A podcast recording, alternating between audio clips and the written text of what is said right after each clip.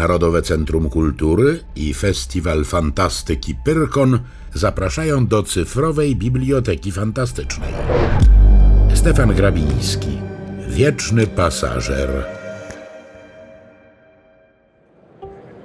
Przez tłum zalegający halę wchodową dworca w Snowiu przeciskał się gorączkowo z walizą podróżną mały, nerwowy, w wyszarzałej zarzutce człowiek. Śpieszyło mu się widocznie ogromnie, bo rozpychał gwałtownie gromady chłopów i rzucał się jak nurek w odmęt ludzkich ciał, od czasu do czasu wbijając niespokojne spojrzenie w tarczę zegara, królującego ponad morzem głów. Było już kwadrans na czwartą po południu. Za dziesięć minut odjeżdżał pociąg w kierunku K. Czas najwyższy, by kupić bilet i znaleźć miejsce. Wreszcie po nadludzkich wysiłkach pan Agapit Kluczka przedostał się w okolice kasy, by tu stanąć w ogonku i czekać cierpliwie, aż przyjdzie nań kolej. Lecz powolne posuwanie się naprzód o krok na minutę znać go mocno niecierpliwiło, bo wkrótce zauważyli sąsiedzi widoczną u towarzysza niedoli tendencję do przyspieszania pielgrzymki. Wreszcie ziajany, czerwony jak upiór, z kroplami potu na twarzy dotarł pan Agapit do upragnionego okienka. Lecz teraz zaszło coś niezwykłego. Zamiast zażądać biletu, pan Kluczka otworzył pulares, zajrzał badawczo do jego wnętrza, mrucząc coś niezrozumiałego pod nosem, odszedł drugim odpływowym przejściem od kasy. Jeden z podróżnych, któremu pan Agapit w czasie swej wędrówki do okna nastąpił dość silnie na nagniotek, zauważył ku niemałemu oburzeniu cały ten zagadkowy manewr i nie omieszkał zgromić go na odchodnem. Ciśniesz się pan i pchasz naprzód jak opętany. Myślałby kto, że Bóg wie jak pilno ci odjechać. A tu odchodzisz od kasy bez biletu. Fi, bzik, bzik. A może wybrałeś się pan w drogę bez pieniędzy? Lecz pan Agapit już nie słyszał. Zdobywszy symbolicznie bilet, pośpieszył nerwowym krokiem przez poczekalnię na peron. Tu już oczekiwał tłum pasażerów przybycia pociągu. Pan Kluczka przeszedł się parę razy niespokojnie po peronie i podając otwartą papierośnicę portyjerowi zagadnął. Czy pociąg spóźniony? Tylko kwadrans. Objaśnił kolejarz wyciągając z uśmiechem z przegródki papierosa. Za dwie minuty będziemy go mieli na dworcu. A łaskawy pan dzisiaj na odmianę rozpoczyna turę jazdą do Kostrzan? Zapytał filuternie przymykając oko. Pan Kluczka zmieszał się jakoś, zaczerwienił i obróciwszy napięcie, podbiegł truchcikiem poza drugi tor. Portyjer, znać dobry znajomy, pokiwał tylko za gościem pobłażliwie głową, machnął ręką i zająwszy zwykłe stanowisko przy wejściu do poczekalni, zaczął z lubością zaciągać się papierosem. Wśród tego zajechał pociąg. Fala podróżnych zakołysała się zgodnym rytmem, pomykając ku wagonom. Rozpoczęła się stereotypowa buskulade, przewracanie się na pakunkach, tłok, ciżba, zgiełk. Pan Agapit z dziką energią wytrawnego gracza rzucił się pomiędzy pierwsze szeregi atakujących. Po drodze obalił jakąś sędziwą staruszkę zdążającą do przedziału z dwoma potwornymi tobołami, przewrócił jakąś nianię z niemowlęciem i podbił oko jakiemuś wytwornemu panu. Niezwyciężony ulewą przekleństw i złorzeczeń, które posypały się nań ze stron poszkodowanych, pan Kluczka wstąpił triumfalnie na schodki wiodące do kupę drugiej klasy i jednym elastycznym susem znalazł się w długim, wąskim kurytarzyku. Otarł pod z czoła, uśmiechnął się zwycięsko i spojrzał złośliwie na kłębiące się w dole falangi pasażerów. Lecz gdy po pięciu minutach takiego rozkoszowania się zajętem miejscem usłyszał gwizd świstawki do odjazdu, w twarzy jego zaszła nagła zmiana. Pan Agapit zaniepokoił się i zanim odezwał się finalny odzew trąbki, porwał z siatki swą walizę, przemknął błyskawicą poza plecyma zdumionych podróżnych i wysiadł tylnymi drzwiami odwróconymi od dworca w kierunku magazynów. W tej chwili pociąg ruszył. Ponad głową pana Agapita zaczęły przesuwać się w coraz silniejszym tempie okna wagonów, ciemnozielone lub czarne kadłuby wozów. Z któregoś przedziału wychyliła się złośliwa głowa jakiegoś wisusa, który spostrzegłszy stojącego bezradnie poniżej mężczyznę, zagrał mu szyderczo palcami na nosie. Wreszcie prześcignął ostatni wagon i zamykając łańcuch towarzyszy swym szerokim, pleczystym grzbietem, szybko zasuwał się w przestrzeń. Pan Kluczka patrzył przez chwilę żałosnym spojrzeniem za znikającym pociągiem, opuściwszy bezwładnie walizę, niby żywy posąg rezygnacji i smutku. Potem pod krzyżowym ogniem ironicznych spojrzeń funkcjonariuszy powlókł się z powrotem do poczekalni. Tu szeregi czekających gości przeraziły się. Główny kontyngent odpłynął już z pociągiem. Pozostali wyglądali parowozu, który kursował na bocznej linii idącej na południe w stronę gór. Czasu było jeszcze sporo. Pociąg odjeżdżał dopiero po szóstej wieczorem. Pan Kluczka zajął wygodne miejsce w kącie sali, zastawił się walizą umieszczoną na stole naprzeciw i wydobywszy z kieszeni małe zawiniątko, zaczął spożywać skromny podwieczorek. Dobrze mu tu było w zacisznym zakątku, ukrytym w półmroku, który już zarzucał w salę tu i ówdzie nieznaczne zasięgi. Wyprostował leniwo nogi, oparł się o poręcz pluszowej kanapki i z całą rozkoszą oddawał się nasiąkaniu atmosferą poczekalni i dworca. Pan Agapit Kluczka z zawodu mundant sądowy był namiętnym zwolennikiem kolei i podróży. Środowisko kolejowe działało nań jak narkotyk. Wstrząsało całym jego jestestwem do głębi. Zapach dymu, lokomotyw, kwaśna woń gazu świetlnego, specyficzny zaduch kopciu i sadzy, rozlany w korytarzach stacyjnych, przyprawiały go o słodki zawrót głowy, mąciły przytomność i jasność myślenia. Gdyby nie lichy stan zdrowia, byłby został konduktorem by bez przerwy jeździć z jednego końca kraju w drugi. Zazdrościł też niezmiernie funkcjonariuszom kolejowym tej ciągłej nerwicy, tego wiecznego przerzucania się z pociągu na ziemię, z ziemi na pociąg, niekończącej się nigdy, aż do grobowej deski jazdy i jazdy bez wytchnienia. Niestety, los przykuł go do zielonego stolika związał szpagatem nudy ze stosami zapylonych aktów i papierów. Pisarz sądowy. Spojrzał raz jeszcze w głąb swej portmonetki i z gorzkim uśmiechem wsunął ją z powrotem do kieszeni. Trzydzieści złotych. Wyszeptał z westchnieniem. A dziś dopiero piątego. Gdyby nie te przeklęte pieniądze, ach, byłbym dziś jeszcze przed nocą w Kostrzanach wraz z tymi szczęśliwcami. Wyobraźnia przeniosła go jednym rzutem w gwarne środowisko dworca w Kostrzanach, nurzając się w zgiełku głosów, chaosie sygnałów i dreszczach dzwonków. Spod przymkniętych powiek wytoczyły się powoli duże, dwie, ciche łzy i spadły na rudawe wąsiki. Nagle oprzytomniał. Otarł szybko oczy, podkręcił wąsa i poprawiwszy się na kanapce, zaczął rozglądać się po poczekalni. Wkoło panowała typowa nuda dworców, rozziewana czekaniem, zszarzała monotonią powtórzeń.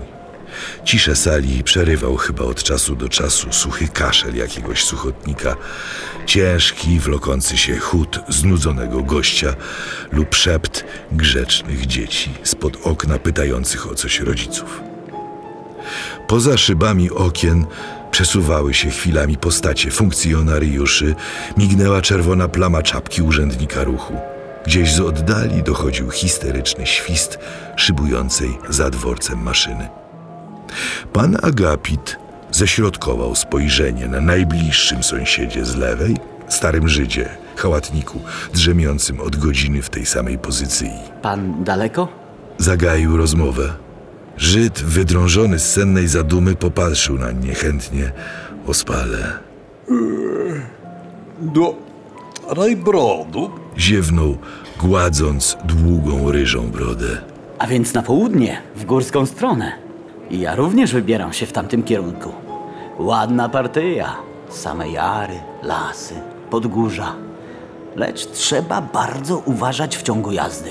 Dodał, przechodząc z entuzjazmu w ton przestrogi. A bo co? Zapytał zaniepokojony Żydowin. Strona trochę niebezpieczna. Zawsze to, widzi pan, lasy, góry, parowy. Podobno pojawiają się tam od czasu do czasu zbójnicy. Aj, aj. Jęknął starozakonny. No, nieczęsto, ale zawsze ostrożność nie zawadzi. Uspokajał kluczka. Najlepiej jechać w jednym z wagonów środkowych i to nie we wnętrzu przedziału, lecz na korytarzu. Dlaczego, proszę pana? Łatwiej wydobyć się w razie czego. Krótsza droga. Przez okno hyc w pole i basta. Pan Agapit ożywił się ogromnie i z błyszczącymi werwą oczyma zaczął roztaczać przed współpasażerem obrazy ewentualnych niebezpieczeństw, jakie mogą grozić podróżnym na tej przestrzeni. Kluczka przechodził przez tak zwany moment ostrzegawczy. Innymi słowy, stał w znaku ostrzeżeń, jak lubiał to u siebie określać. Było to pierwsze niby intermedium, które rozgrywało się zawsze w poczekalni, dokąd wracał po odbyciu pierwszej symbolicznej podróży do K. Zwyczajnie padał ofiarą tej złowieszczej konstelacji ducha pana Agapitowego najbliższy współtowarzysz lub towarzyszka podróży, których przypadek umieścił w jego pobliżu. Kluczka wysilał się na wymyślanie tysięcznych możliwych i niemożliwych niebezpieczeństw, które malował nader plastycznie z niewolącą ku sobie siłą sugestii.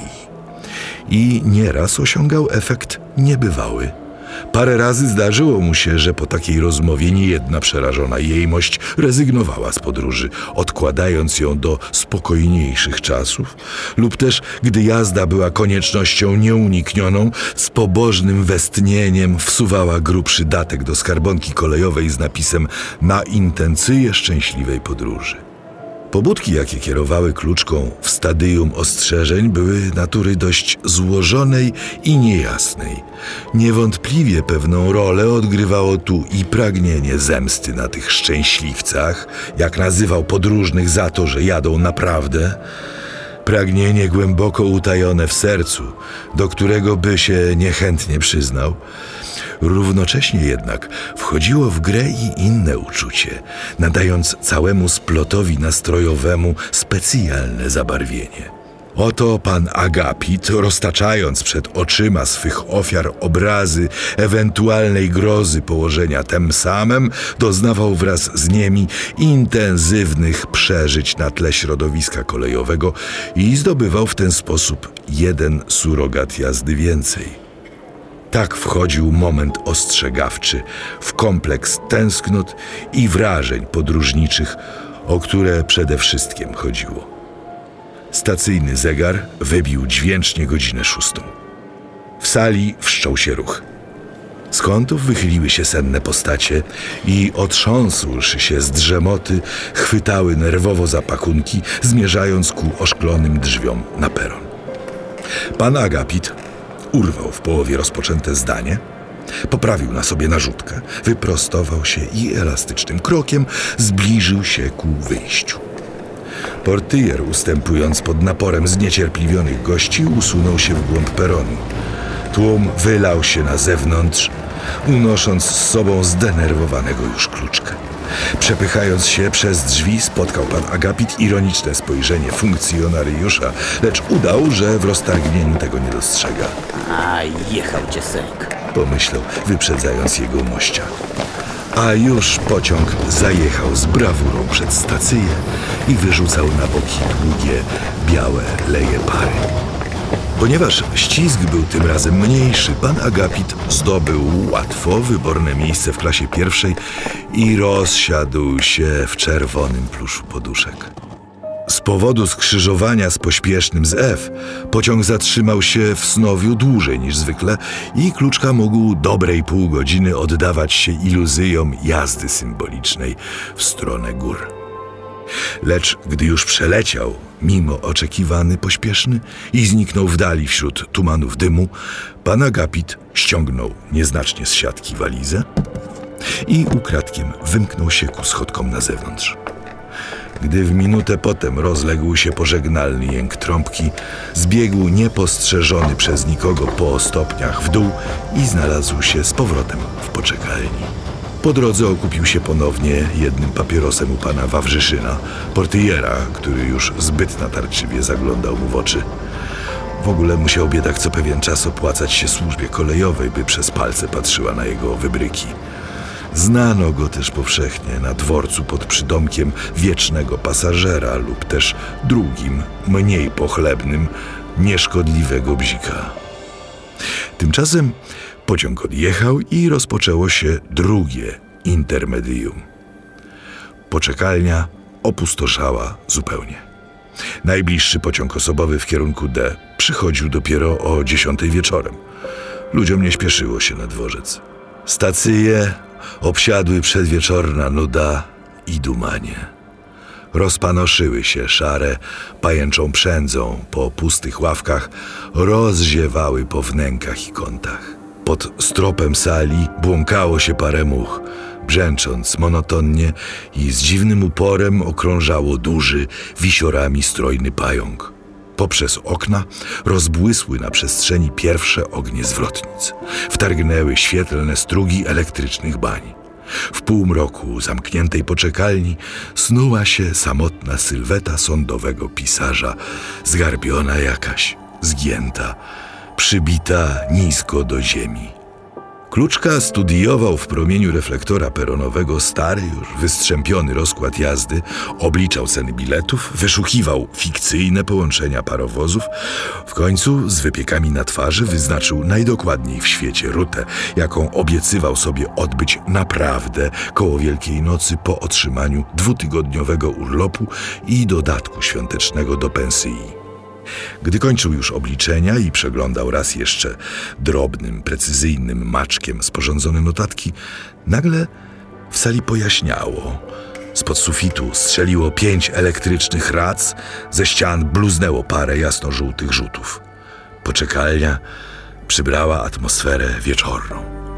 Klamka drzwi tylnych poruszyła się ku dołowi i do sali weszło paru podróżnych. Nastrój rozwiał się bezpowrotnie. Wszystko stało się jasnem, jak w biały dzień. Pan Agapit zajął zwykłe miejsce obserwacyjne w cieniu pieca koło jakiejś niewiasty w wieku nieokreślonym. Osoba znać była nerwowa, wnosząc ze specjalnego tiku w kątach ust i ruchów wypadliwych. Kluczce zrobiło się nagle ogromnie jej żal i postanowił ukoić niespokojną sąsiadkę. Pani dobrodziejka? Pochylił się ku damie, przybierając wyraz pełen niemal seraficznej słodyczy. Prawdopodobnie bardzo poddaje się nastrojowi podróżniczemu. Dama, zaskoczona z nienacka, popatrzyła nań trochę obco. Po prostu.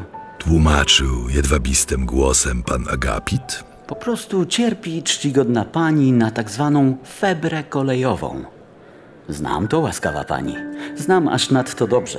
Ja również do dziś dnia, chociaż niby w tej materii bywalec, nie mogę jakoś zapanować nad środowiskiem kolejowym.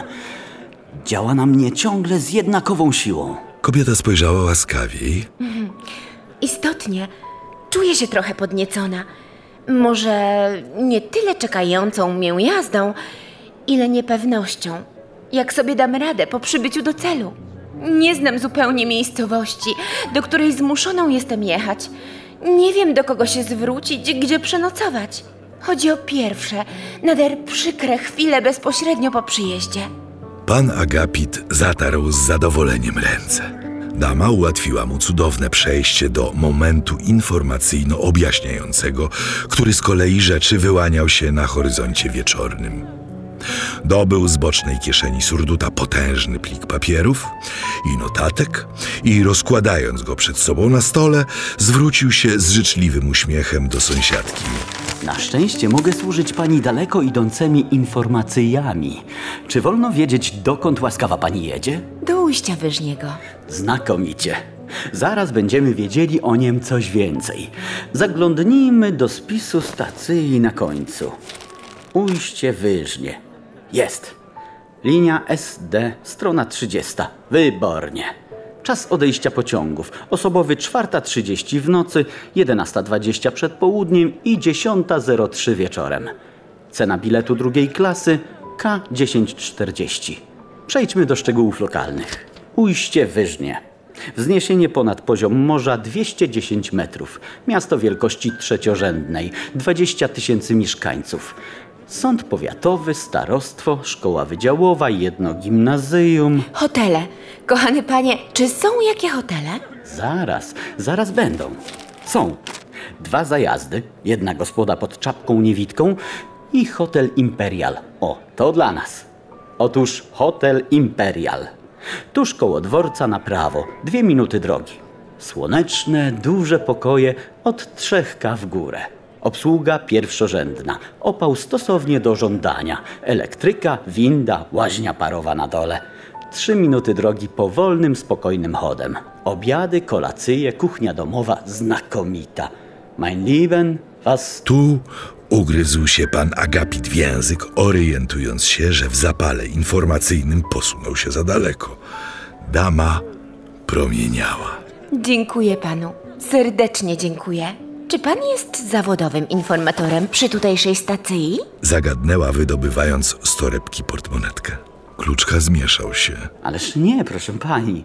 Proszę mnie nie uważać za agenta biura informacyjnego. Ja tylko tak z amatorstwa, z czysto idealnych pobudek. Z kolei ją ogarnęło zakłopotanie. Przepraszam pana bardzo. I jeszcze raz pięknie dziękuję. Podała mu rękę, którą on po rycersku ucałował. Agapit Kluczka, urzędnik sądowy. Przedstawił się, uchylając kapelusza.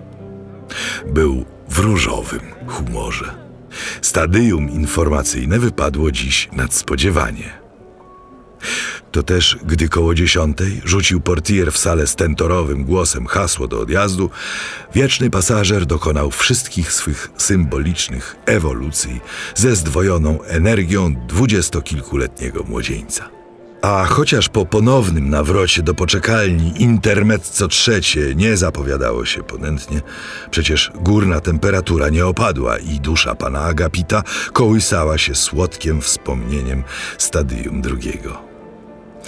Mimo to dzisiejszej turze nie było sądzone szczęśliwe zakończenie, bo gdy w dwie godziny później, to jest po dwunastej w nocy, usiłował kluczka wśród niebywałego tłoku wedrzeć się z walizą do przedziału klasy trzeciej, nagle uczuł, że ktoś go silnie szarpnął za kołnierz i gwałtem ściąga ze stopnia. Oglądnąwszy się z pasyją, ujrzał w świetle latarni śródtorowej rozgniewaną twarz konduktora i usłyszał w zgiełku głosów następującą apostrofę widocznie dla niego przeznaczoną.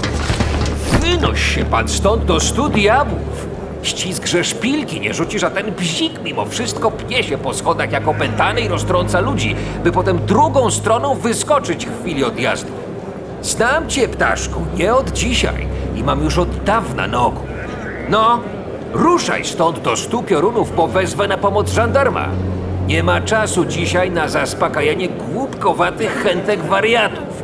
Odurzony, przestraszony do szpiku kości kluczka, ujrzał się niespodziewanie poza nawiasem pasażerów i jak pijany zatoczył się gdzieś pod słupy peronu. Dobrze ci tak. Szeptał przez zaciśnięte zęby. Po co był pchać się do trzeciej klasy zamiast do pierwszej lub drugiej? Pośredni przedział, pośrednia służba. Zawsze ci to mówiłem. Poznać pana po cholewach. Trochę uspokojony tym wywodem, poprawił wymiętą zarzutkę i chyłkiem wyniósł się z peronu do poczekalni. Stamtąd do hali wchodowej, a stąd na ulicę. Miał dość na dzisiaj podróży. Zajście ostatnie zniechęciło go do dokończenia dzisiejszej tury, skracając mu ją o jedną godzinę. Było już po północy. Miasto spało. Pogasły światła przydrożnych gospod. Przygłuchły głosy piwiarń i restauracji. Gdzieniegdzie rozświetlała mrok ulicy hen daleko na zakręcie słuchotnicza latarnia. Gdzieniegdzie prześlizgnął się po chodniku mdły blask z jakiejś podziemnej nory. Ciszę snu przerywał niekiedy śpieszny chód spóźnionego przechodnia lub dalekie wycie psów spuszczonych z łańcucha. Wąską, krętą uliczką, pnącą się gdzieś w górę wśród zapadłych zaułków nad rzeką, wlókł się powoli z walizą w ręce wieczysty pasażer. Głowa ciążyła mu ołowiem, nogi stąpały sztywnie, drewniane jak szczudła. Wracał do domu na parę godzin snu przed świtem, bo nazajutrz rano czekało nań biuro. A po godzinie trzeciej, jak dzisiaj, jak wczoraj, jak od lat niepamiętnych, symboliczna podróż.